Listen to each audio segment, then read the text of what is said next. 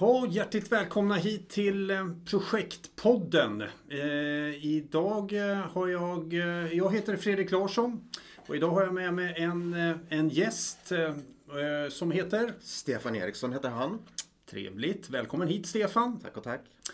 Eh, vi brukar ju ta in externa gäster ibland och diskutera projektfrågeställningar så att det inte bara är vi som internt som diskuterar det här med projekt. Och idag har eh, vi tagit med eh, dig som sagt var Stefan och du skulle vilja diskutera ett aktuellt ämne eller en eh, utmaning som du har i, i några av dina projekt. Visst är det så Stefan? Ja, det är en återkommande utmaning som jag tror att du också råkar ut för i den miljö du vistas. Vi har lite olika typer av kunder men stora organisationer där det händer mycket och det kan hända fort ibland och det kan uppstå behov som är lite oväntade ibland. Och då blir det titt som tå... Nej. Titt, vad heter det? Det blir titt som tätt. Titt som tätt. Att, eh, ja, man, man, får helt enkelt ett uppdrag, ett problem som ska lösas och det här man kallar det för ett projekt för det ska drivas under en viss tid och det ska drivas vid sidan av linjen och det har ett bestämt syfte och klart ska det bli. Mm. Men eh, sen slutar väl kanske likheterna med ett projekt för det finns inte förutsättningar i form av en förstudie. Man har ingen projektplan nödvändigtvis. Utan man har ett behov, ett problem som behöver lösas. Man behöver gå härifrån till ungefär dit någonstans. Tro att det blir bra att hamna. Okej. Okay. Och bråttom är det. Aha. När är du klar? Frågar de sen. Ja, och det där låter i princip nästan som samtliga projekt. Men vad är det som är unikt med det här då menar du eller? Ja, till, för det första så, som projektledare och vän av ordning och strukturerad person som du är så, kom, så skulle du säkert vilja Topp skulle du säga, det här låter jättekul. Har ni gjort någon förstudie? Mm. Vet ni mer i detalj vad det här går ut på? Hur det ser ut i det landskap vi utgår ifrån? Mm. Nej, det, det, har vi nog inte gjort. Okej. Okay. Nähä, varför, varför, har ni inte gjort det då? Det hinner vi inte, vi fick reda på det här i förrgår. Mm. Jaha, säger du då. Men du, då ska jag ta fram en, en, en rejäl projektplan och reda ut förutsättningarna här. Till säger de. Ja, mm. det, där, det där var ju en bra idé, säger de då. Det, det, det låter fint, men eh, projektet började ju igår. Så men är det Ta fram projektplanen då, men börja jobba. Men är det här en... Eh, det låter ju antingen... Eh, den första hobbyanalysen, det är väl att det är ganska omogna organisationer? Absolut eller? inte. De driver stora organiserade projekt under, med, med, med stringens och på ett väldigt gott sätt. Men ibland så uppstår speciella behov. I mitt fall, jag jobbar mycket med producerande industribolag, alltså industri, tunga branscher som har saker som ska produceras. Det kostar mycket pengar att stå still och så. Och det kan vara så att det upptäckts ett haveri, eller en risk för ett haveri som börjar bli väldigt påträngande. Man måste brådskande bygga om något. Eh, säkerhetsrevision som påvisar brister, ni får stoppa om ni inte fixar det här. Det kan vara så att man knoppar av, köper företag, ska separeras, integreras systemmässigt. Eller marknadshändelser som gör att produktion behöver ändras eller flyttas. Och det finns liksom inte tid att mm. göra en konventionell projektapproach. Utan du måste börja nu. Okej, okay, så att man är väl medveten om, eh, hur ska jag säga, projektprocessen. Jajamän. Man är väl medveten om eh, vilka vinster det finns med och nyttan med en, med en förstudie och vad den ska generera för någonting och, mm. och det beslutsunderlag som den ska generera. Men du menar att man är fullständigt, eh, man är över, alla är samt, samtliga är övertygade om att det här måste genomföras. Ja, det är ingen tvekan om det. det. Ingen tvekan det, det beslutet finns redan, ja. eller det tvingande. Och eh, man, eh, på något sätt har man ju eh, blivit satt i den här situationen. Har man gjort det själv eller är det omständigheter runt omkring som har eh, satts organisationen i, i den här sitsen. För det, ju, det, kan ju inte, de är väl medvetna om att det inte är önskvärt. Ja, absolut, och det här, det här är ju organisationer som driver projekt på ett väldigt professionellt sätt i vanliga fall. Stora tunga investeringar och har god ordning. Men det stora komplexa verksamheter, ibland uppstår ju oväntade saker som inte kunnat förutses. Eller den yttre händelse ja. som man inte har kunnat förutse eller åtminstone förutsett så till den grad att man förberett sig på den. Nej, jag förstår. Utan det blev mm. så här nu. Mm. Nu, är det bara att acceptera mm. att nu har det här hänt. Mm. Det kan vi inte göra så mycket åt och då har vi förhållit oss till det och gör någonting åt saken. Ja, okay. Så det kan vara yttre omständigheter, ja. ja. Det kan vara en pandemi eller det kan vara någonting kan vara annat som kan helt plötsligt dyka in. Eh, eller en eh, försäljning som inte har Eh, som har kommit i, i, till, till företaget som man inte har kunnat förbereda till exempel, som kommer att påverka det här projektet. Är det befintliga projekt eller är det någon sorts ehm, eh, task force som du beskriver det här. Alltså task force i den bemärkelsen att eh, eh nu har vi en stor utmaning. Nu sätter vi ner ehm, det här teamet som reder ut det här. Ja, de bör, brukar ju börja med att eh, folket finns inte på platsen. Man Nej. vet kanske inte riktigt vilka resurser som kommer att behövas sen heller. Utan ett sätt att göra det på som, som jag varit med om vid något tillfälle det är då att man säger att ja men okej, eh, vem har någon, någon någorlunda eh, vettig person som skulle kunna driva det här åt oss? Som eh, kan ta tag i det här och då, då är det typiskt då motsvarande projektledare man tar in och säger att Fredrik, du har ju hjälpt oss med saker förut och, och det brukar ju mer rätt än fel. Eh, så här är förutsättningarna, kan du ta dig an det här och eh, börja dra i det. Rapportera, återrapportera, vi tar diskussioner så ofta vi behöver. Se till att du skapar en bild av vad förutsättningarna är på ett ungefär. Eh, bedöm vilka typer av resurser och förmågor tror att det behövs för att kunna börja jobba med det nu. Sen förstår vi att du kommer att behöva ändra sen när du upptäcker saker efter vägen. För du måste ju formulera kraven, målen, vad som är viktigt när du har kommit en bit. Men vägen börjar gå nu. Okej. Ja. Så att lik, eh, då ställer jag jobbiga motfrågor här. Likheten med en task force, det- då borde ju den nästan vara samma sak. Men här har vi... Ja, det kan man säga. Det, kan ja. man säga. Det blir så, men man vill ändå driva det under någonting som containermässigt fungerar som ett projekt trots allt. Ja, för att organisationen är van vid att kunna jobba i, i Du, som... du, du, du vill bygga in, med tiden så mognar det här och blir mer likt ett projekt ju längre du går därför att förutsägbarheten ökar. Du kan börja rapportera med lite mer förutsägbarhet vartefter du kommer framåt. Men det finns liksom inte en projektplan, det här som att säga att ja, nu kan jag börja jobba. Nu har vi gått igenom Tollgate si och så. Utan det här är någonting som man får jobba successivt, får jobba sig fram. Och är målet eh, sen att man ska ta fram ett, eh, ett eh, hur ska jag säga, en förstudierapport även om det måste gå ännu snabbare? Eller är det bara se till att... Eh, vad säger så här, vad skulle en förstudierapport ha gett dig? Jo, det skulle ha gett mig kunskap om var vi är idag, hur det ser ut vad, vad, och vad för någonting kraven är på det här som behöver byggas, eller hur? Eh, det måste vi upptäcka någonstans på vägen. Måste ju fortfarande formuleras så att du, du någonstans kommer fram till ja, nu är vi klar. Nu har vi gjort det här vi skulle göra. Men det är ingen idé att ta fram en förstudierapport. Men syftena med en förstudierapport är att tala om för dig varför gör du det här och vad är kraven på, på det här när det är klart. Ja, Och det får du formulera efter vägen. Du måste göra en mental ansats. Ja, det är nog ungefär 45 grader västerut och den är cirka 3 mil bort någonstans det här. Så att, eh, vad behöver jag ta med mig i ryggsäcken och börja gå nu då? Och sen får jag fixa resten. Så jag förstår att eh, det är någon som sitter som har en huvudvärk. Ja, en organisation som har en huvudvärk eh, Ja. som kan bero på olika orsaker. Eh, är man medveten om eh, vad, vad man vill ha ut av det? Alltså ett På en nivå. beslutsunderlag? På, på, på en väldigt hög nivå finns naturligtvis något som säger att vi måste flytta den här produktionen dit eller vi behöver separera de här sakerna. Ja, Sen exakt vad definition of done är, det vet man inte i början. nej. Vi vet vad behöver göras. Så det är en av de sakerna du måste verka fram ganska fort. Ja. När tycker vi att det här är en succé? Ja. Det måste du formulera någonstans. Gör en ansats men du kommer att behöva korrigera den ansatsen några gånger för du har ju fel när du börjar. Men det är bättre att ha lite fel och börja än att sitta och försöka få jätterätt och aldrig komma igång. Så det, där, och det är lite mod i det här och lite gott omdöme att våga börja. Vad kan jag börja bygga? Vad kan jag förutsätta redan nu? Vad för komponenter kan jag bygga det här omkring som tillåter den här flexibiliteten efter vägen? Måste du till exempel ha en systemplattform för det här? Ja, men välj då någon som kanske inte är bäst på en specifik sak utan en som tillåter den klarar av baskraven, det är jag rätt säker på.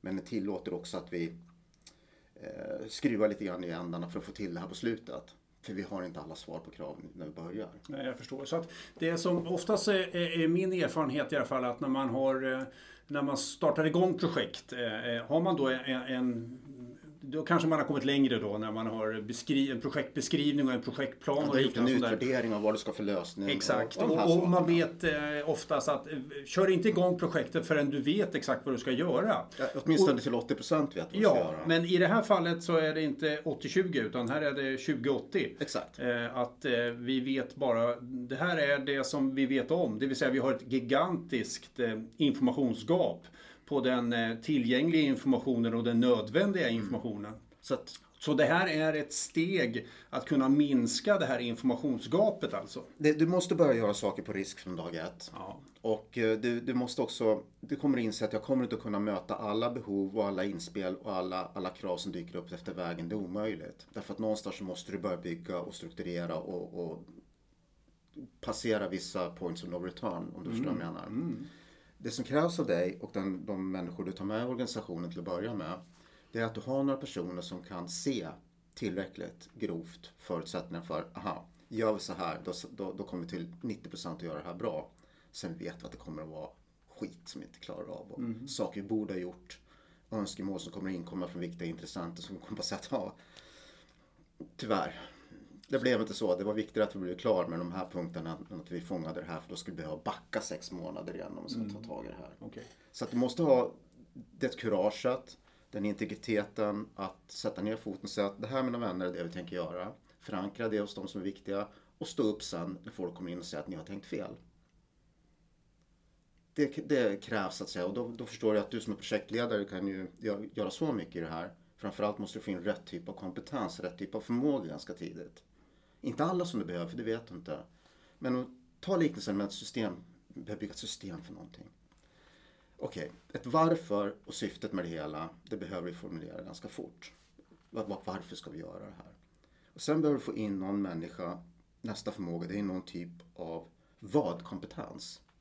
Alltså en systemarkitekt. Vad är det vi kommer att behöva bygga?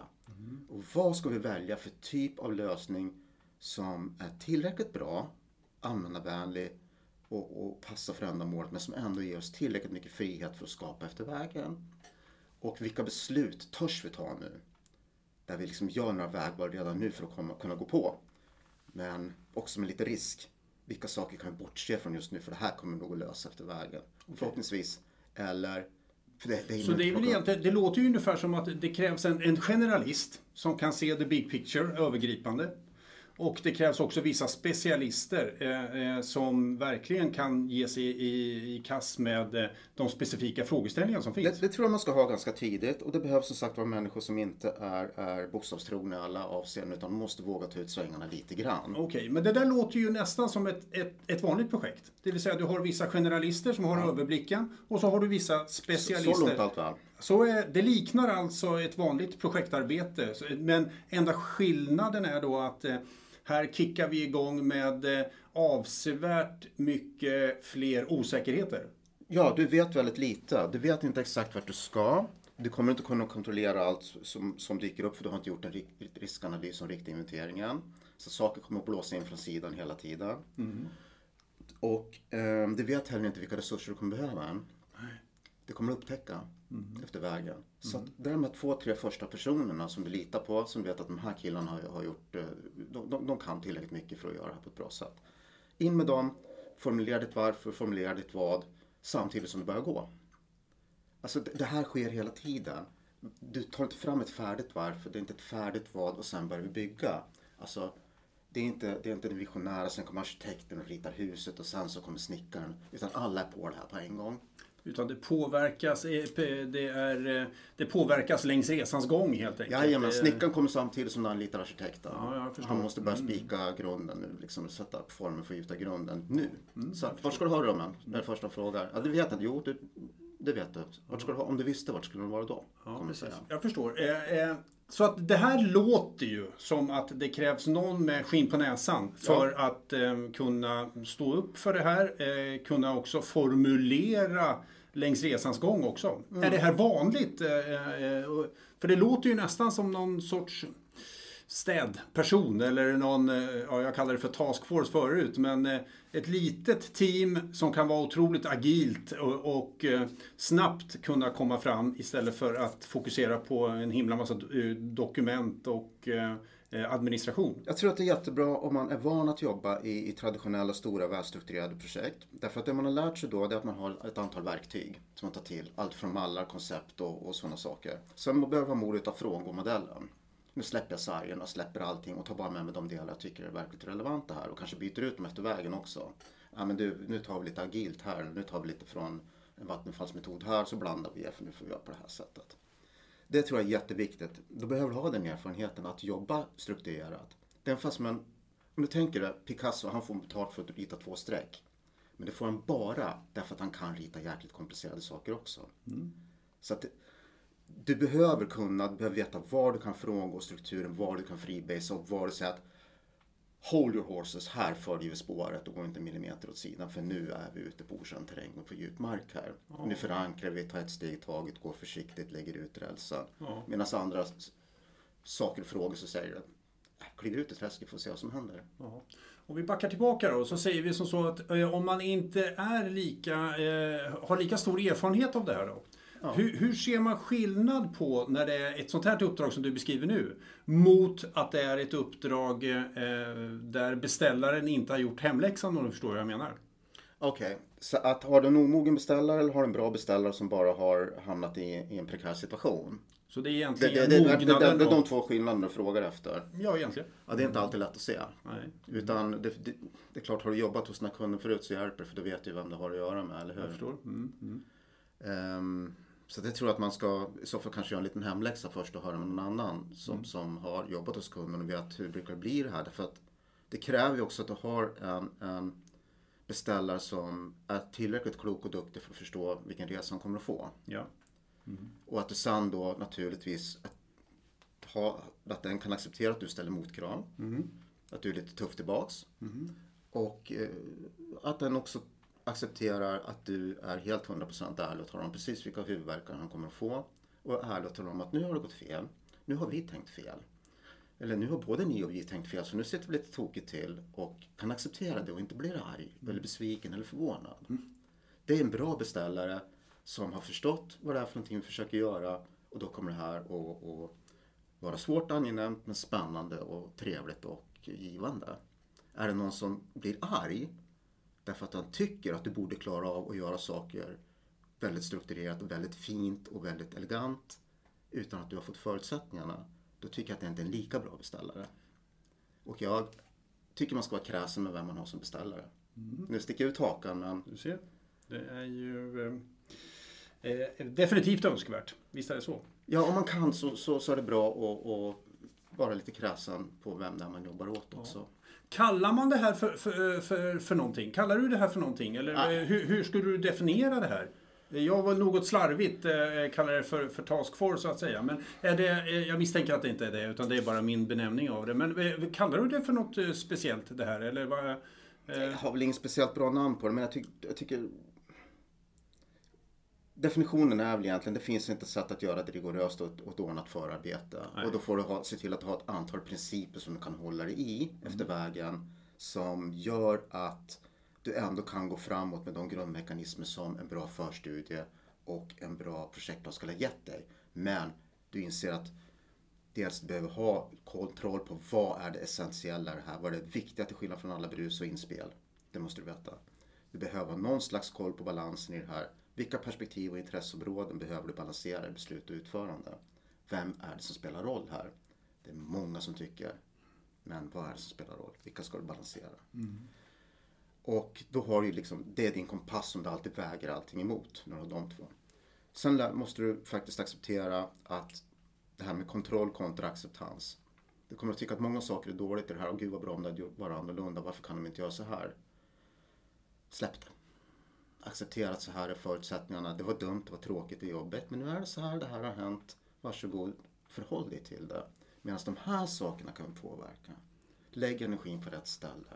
För det finns så mycket du kan lägga på fel ställe här. Och sen har du det här med kapaciteten, få in rätt förmågor tidigt, förmågor som du kan koppla på och växa på med fler resurser sen. Men ett bra litet team, en taskforce som du säger så, en duktig arkitekt.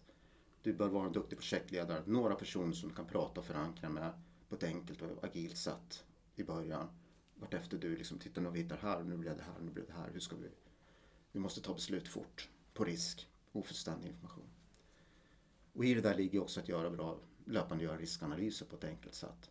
Så att du vet vad ska vi acceptera, vad ska vi mitigera, vad ska vi försöka eh, ta bort eller bygga bort. ja. Att hela tiden jobba med det här ganska fort. Den där accepterar vi. Den här kan vi inte acceptera, den måste vi bygga bort. Nej, vi kan inte bygga bort den. Hur kan vi minska risken?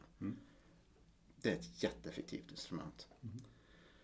Och eh, som sagt var då, goda vanor, strukturer och arbetssätt. En systematik där du inte följer en projektplan eller modell eller någonting eh, kadavermässigt.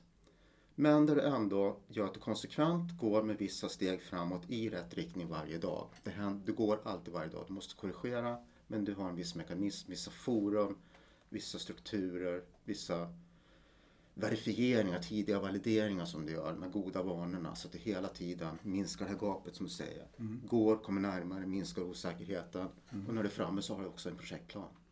Aha, Men du har den i efterhand. Du har den i efterhand. Ja. Ja, det, är, det låter som att det här kanske inte är det första uppdraget man ger sig kast med. Och jag tror mig till minnes, eh, eller jag tog till mig den liknelsen du drog med Picasso där.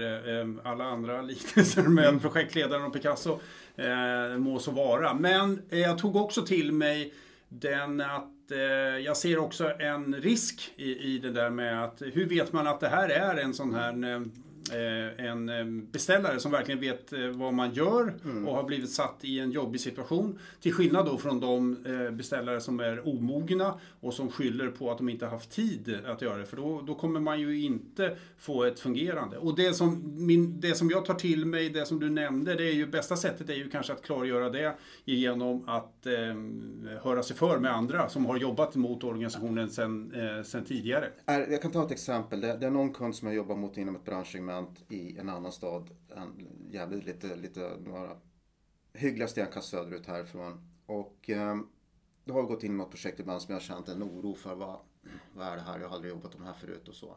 Då har det varit så lyckligt att en av de här tidiga personerna man ska ta in i projektet, en kille som jag litar supermycket på, det blir alltid bra när han är med.